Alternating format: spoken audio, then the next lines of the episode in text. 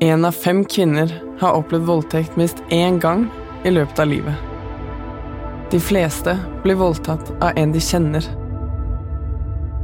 Bare 20% av kvinnene anmelder, og nærmest ingen får gjerningspersonen dømt.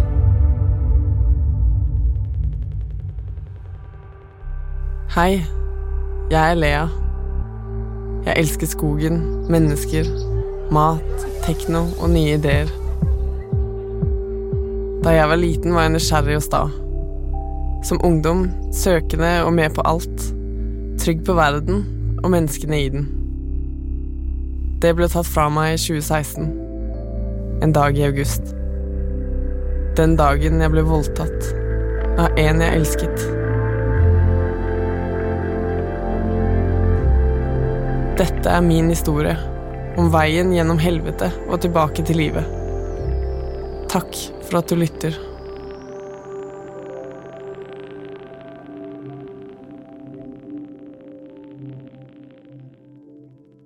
I forrige episode hørte dere om hvordan jeg flyktet fra meg selv ved å reise jorda rundt og til slutt måtte dra hjem.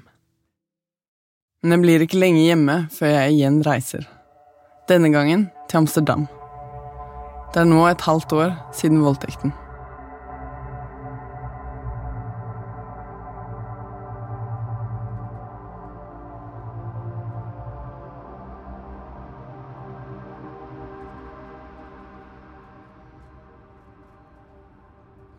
Det er som at jeg får en dolk i brystet. Jeg prøver å prate til kroppen min. Du er bare sliten. Du har reist masse. Dette går fint. Jeg blir kvalt innenfra. Jeg og lillebror sitter på toget. Jeg har nettopp fortalt han at jeg skal til Amsterdam og treffe Thomas igjen.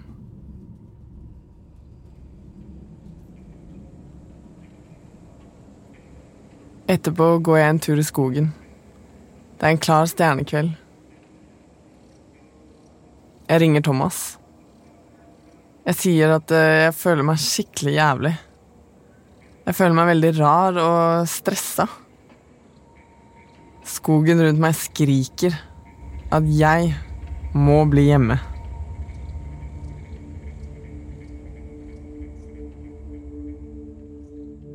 Moren min holder rundt meg hele natta. Jeg våkner. Jeg klarer ikke å dra. Dolken sitter i brystet.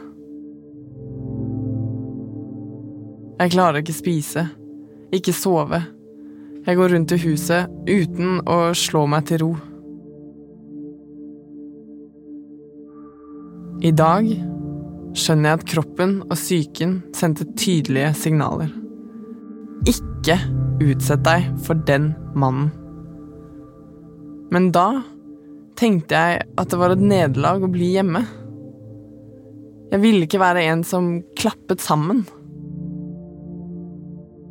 Jeg hadde en idé om at jeg måtte konfrontere ham med det som skjedde på hytteturen. To uker etter at moren min hadde holdt meg hele natten, samlet jeg krefter for å dra til Amsterdam.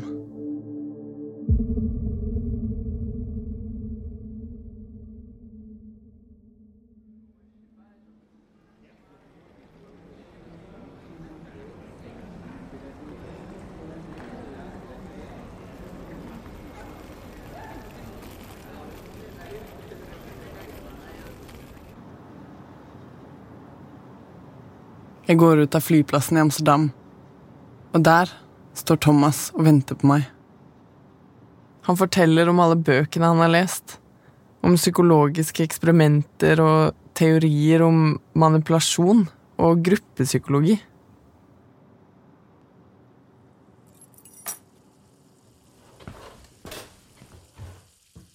Hjemme i leiligheten hans lager vi frokost sammen. Rugbrød med avokado og tomat. Jeg er kvalm. Jeg må tvinge maten i meg. Vi sitter overfor hverandre ved et gammelt trebord i stuen. Jeg vet ikke hvor jeg skal feste blikket. Jeg blir varm, og rommet spinner. Jeg hører meg selv si Den eh, gangen på hytteturen i august, så føltes det litt som at eh, du hadde sex med meg uten at jeg ville, og det føltes ikke bra, og jeg jeg vil bare si det, for jeg, jeg vil ikke at du skal gjøre det mot meg eller noen annen menneske eller kvinne igjen. Han ser rolig på meg, holder blikket mitt og sier Det føltes riktig for meg. Jeg reiser meg, løper til vasken, kaster opp.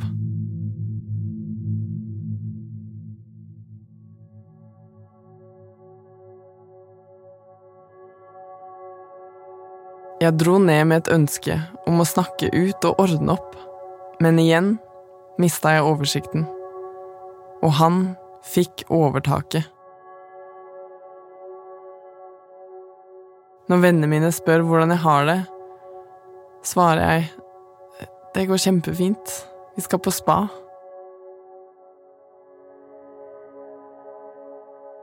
I et tidløst øyeblikk blir meldingene fra venner som en portal jeg ser inn i, der jeg kan fortelle alt.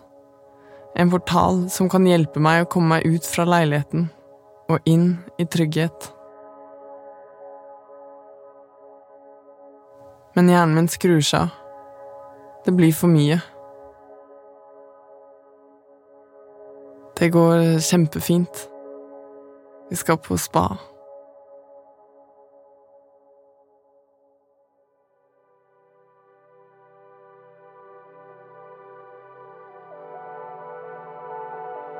Vi holder hender og går gjennom parken til spaanlegget. Det er stille mellom oss. Vi ligger i en solseng hele natten. Vi er nakne, og alle rundt oss er nakne. Vi er kjærester igjen.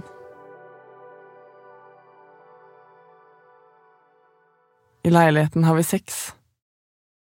Dagen etter spiser vi frokost ute og han forteller meg at jeg er psykisk syk, og jeg behøver hjelp.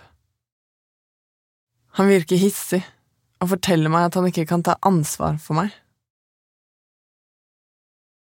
I tiden etter Amsterdam har jeg og Thomas fortsatt kontakt.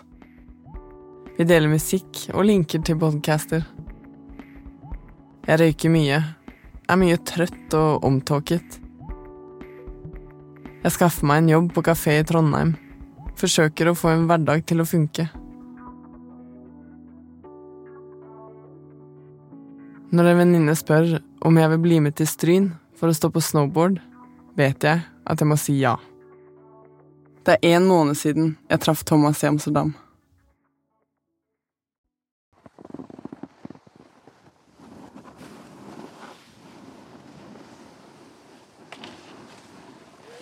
Jeg står bedre enn noen gang. Det er sol, pudderføre, masse folk i bakken. Vi steller oss i kø for å ta stolheisen opp til kafeen. Det ene beinet mitt er ikke festa til brettet. Men når vi skal sette oss i stolheisen, innser vi at det er en person for mye. Brettet mitt sklir for langt fram, og jeg faller oppå bindingen. Kanten på bindingen treffer meg rett i vaginaen. Jeg hikser etter luft. Jeg hører at folk roper 'Går det bra? Går det bra?' Og jeg svarer sånn 'Det, det går fint'. Jeg setter meg i stolheisen. I heisen kjenner jeg at det lekker ut av meg. Skvulp, skvulp, skvulp. Jeg er redd for at det er blod, men jeg håper at det er tiss. På toppen av stolheisen tar jeg på meg brettet igjen, spenner fast begge beina, kjører ned i full fart til nærmeste kafé, løper inn på do, tar av meg buksen. Det er helt rødt nedover lårene i buksa. Jeg skriker 'hjelp! Ring ambulanse!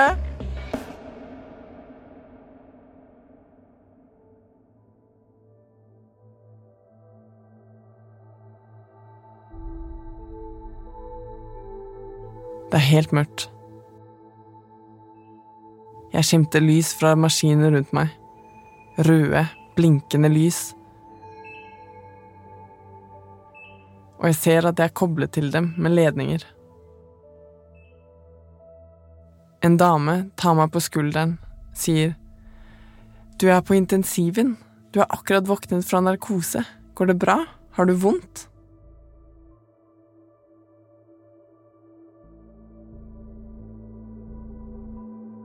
Neste dag ringer broren min. Vi prater lenge. Jeg forteller broren min at Thomas har forgrepet seg på meg. Han svarer, Skal jeg ta toget og komme til deg nå?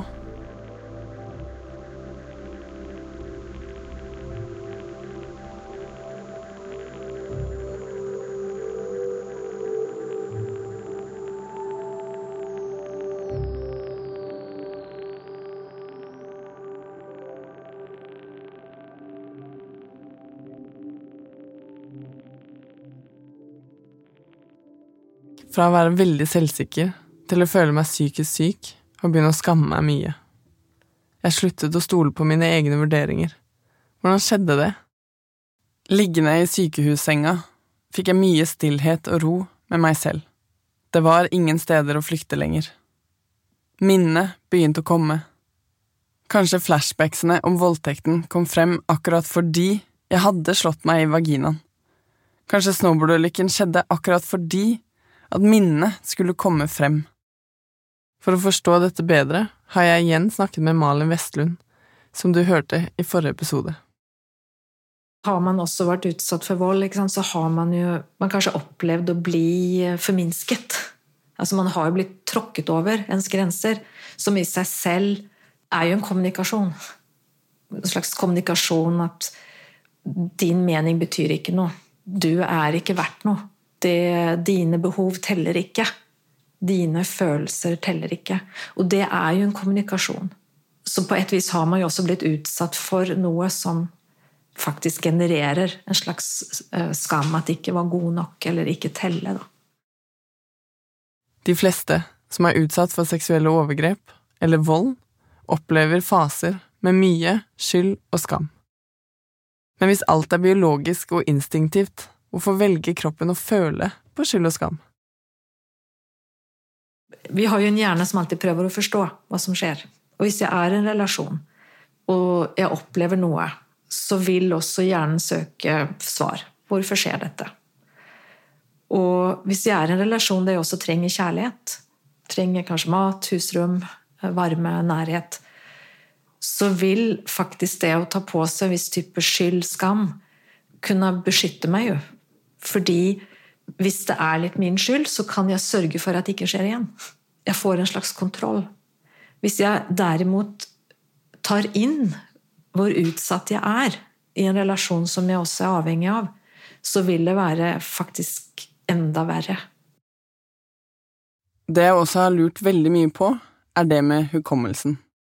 Hvordan jeg den ene dagen ville ned til Amsterdam for å konfrontere ham for i det andre å glemme alt som skjedde. Hvorfor husket jeg så lite av det som skjedde den dagen i august? Traumeminner er jo ikke som andre minner. De er lagret på en annen måte. De har ikke en sånn tidsmarkør med begynnelse, midt og slutt. Det betyr også at de ligger lagret på en måte litt en annen plass og knyttet mye mer til sansene og mer som fragmenter av opplevelser. Og så vil det være til dels da frakoblet fra vår fortelling om oss selv. Hvem er jeg, hva er min identitet, hva, hva, har jeg vært med om? Den vil ikke ligge der i den fortellingen. Utan det er mer som en ja, som jeg sa, fragmenter. Og da er det mer sånn at de kommer frem Hvis vi blir veldig trigget eller minnet om noe, så kan vi få disse flashene av å huske. Eller få bilder. Hvis jeg f.eks. da jeg kan gå inn og ut av den frakobla tilstanden, så vil jeg også gå inn og ut av å ha kontakt med med meg selv og kropp, min kropp og mine sanser. Og da vil jeg ha, jo mer frakobla jeg er, jo mindre sjanse er det at jeg får disse flashene og husker. Så det er ikke uvanlig å gå inn og ut av det. Gå inn og ut av de ulike tilstandene. For veldig mange så er det vanskelig å definere en voldtekt som en voldtekt. Jeg har flere ganger hørt venner si jo, eh, jeg ville ikke egentlig ha sex, men jeg, jeg vet jo at det ikke er noe utvei, så jeg bare lot det skje. Og det er vel det her at man har, altså, man har en relasjon. Og så det punktet når det bikker over, det er vanskelig å fange det. Og plutselig så har man tilpassa seg til et punkt som man ikke skjønner at det er et, et overgrep. Og man bortforklarer det for sin egen del. Og det er ikke uvanlig når vi har disse kursene nå, som vi har da når vi jobber med seksualitet, at det er flere deltakere som og det skjer gang på gang, sier altså, jeg, jeg, jeg, hadde, jeg skjønte ikke at det var en voldtekt jeg var utsatt for. Jeg skjønte ikke at det var overgrep.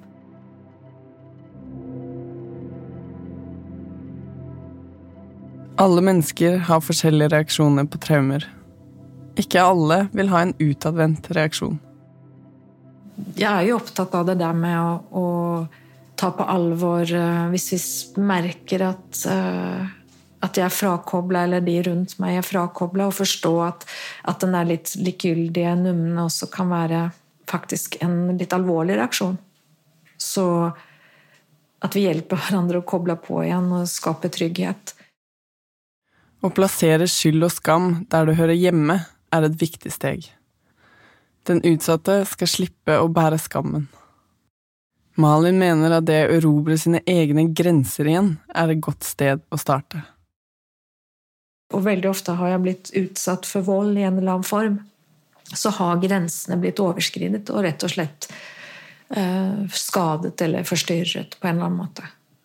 Så det å få liksom igjen erobra tilbake at man har en stemme, og at man kan si nei så man kanskje trenger å si mye nei i en periode. For å kjenne at man eier sin stemme, eier sitt nei, eier sine grenser. Um, for å etter hvert kunne si mer ja til det man har lyst til å si ja til. Om det er nye relasjoner, noe nytt i livet, si ja til seg selv. Nå har vi snakket veldig mye om skam, og før vi avslutter denne episoden helt, så har jeg noen tanker som jeg ønsker å dele med deg. Jeg ble veldig overrasket selv over at jeg opplevde så mye skam over at jeg hadde opplevd voldtekt, fordi jeg har jo selv gått i marsjen i kvinnetoget, sagt sånn Vi må legge skammen der hvor det står, og eh, visste på en måte alle at dette er ikke min skam å bære. Men gjennom mye tenking og prating med venner, så skjønte jeg at eh, som kvinne i vårt samfunn, så har vi blitt advart mot noe fra vi er veldig små ha med deg telefonen din, ikke ta imot drink fra fremmede, ikke sitt på bussen alene med noen, ha nøklene mellom eh, fingrene, ikke gå eh, alene på gata, fordi da kan du bli voldtatt. Og når jeg skjønte det, så var det som at jeg kunne slippe litt av skammen, fordi dette er samfunnet som påfører oss skam, men det er ting som er utenfor vår kontroll. Det er feil at det er min feil, fordi jeg er ikke den aktive parten i en voldtekt. Jeg er en passiv part, og dermed skal ikke vi egentlig ha skammen uansett. I denne episoden har dere hørt om hvordan traumer ikke er som andre minner, hvordan de kommer til overflaten og forsvinner igjen. At det kan ta tid før en husker hva som har skjedd. I neste episode får dere høre om hvor og hvordan jeg fikk hjelp hvilke hjelpeinstanser jeg oppsøkte, og begynnelsen på et nytt liv.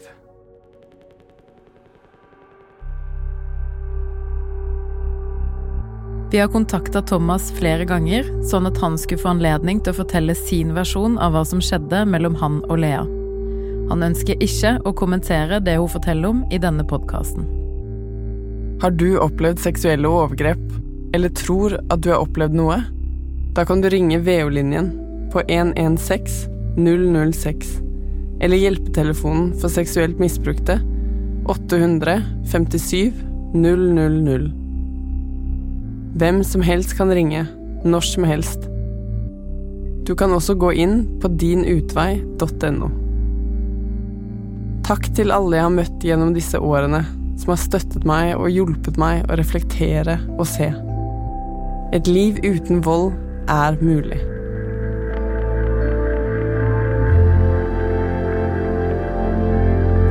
En dag i august er en serie fra magasinet Altså, laget av Filt Oslo og meg, Lea, som forresten ikke er mitt egentlige navn. Vi har byttet ut alle navn i historien. Vi har også byttet ut flere stedsnavn og årstall. Produsenter er Anne Gerd Grimsby Haarr og Ådne Riis Hallås. Manuskonsulenter er Pia Ilonka Jensen og Ida Palin Bostadløkken. Lyddesign og miks av Truls Rokiki.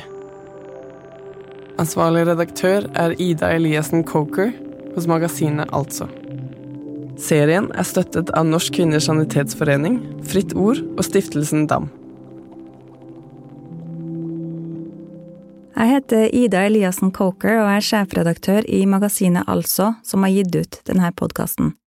Altså gjør noe som ingen andre har gjort før her i landet. Vi lager stoff som handler om kvinner, uten å fortelle deg hvordan du skal se ut eller hva du bør kjøpe. Gå til altså.no og les saker om mangfold, likestilling og bærekraft. Du vil føle deg styrka og håpefull for fremtida.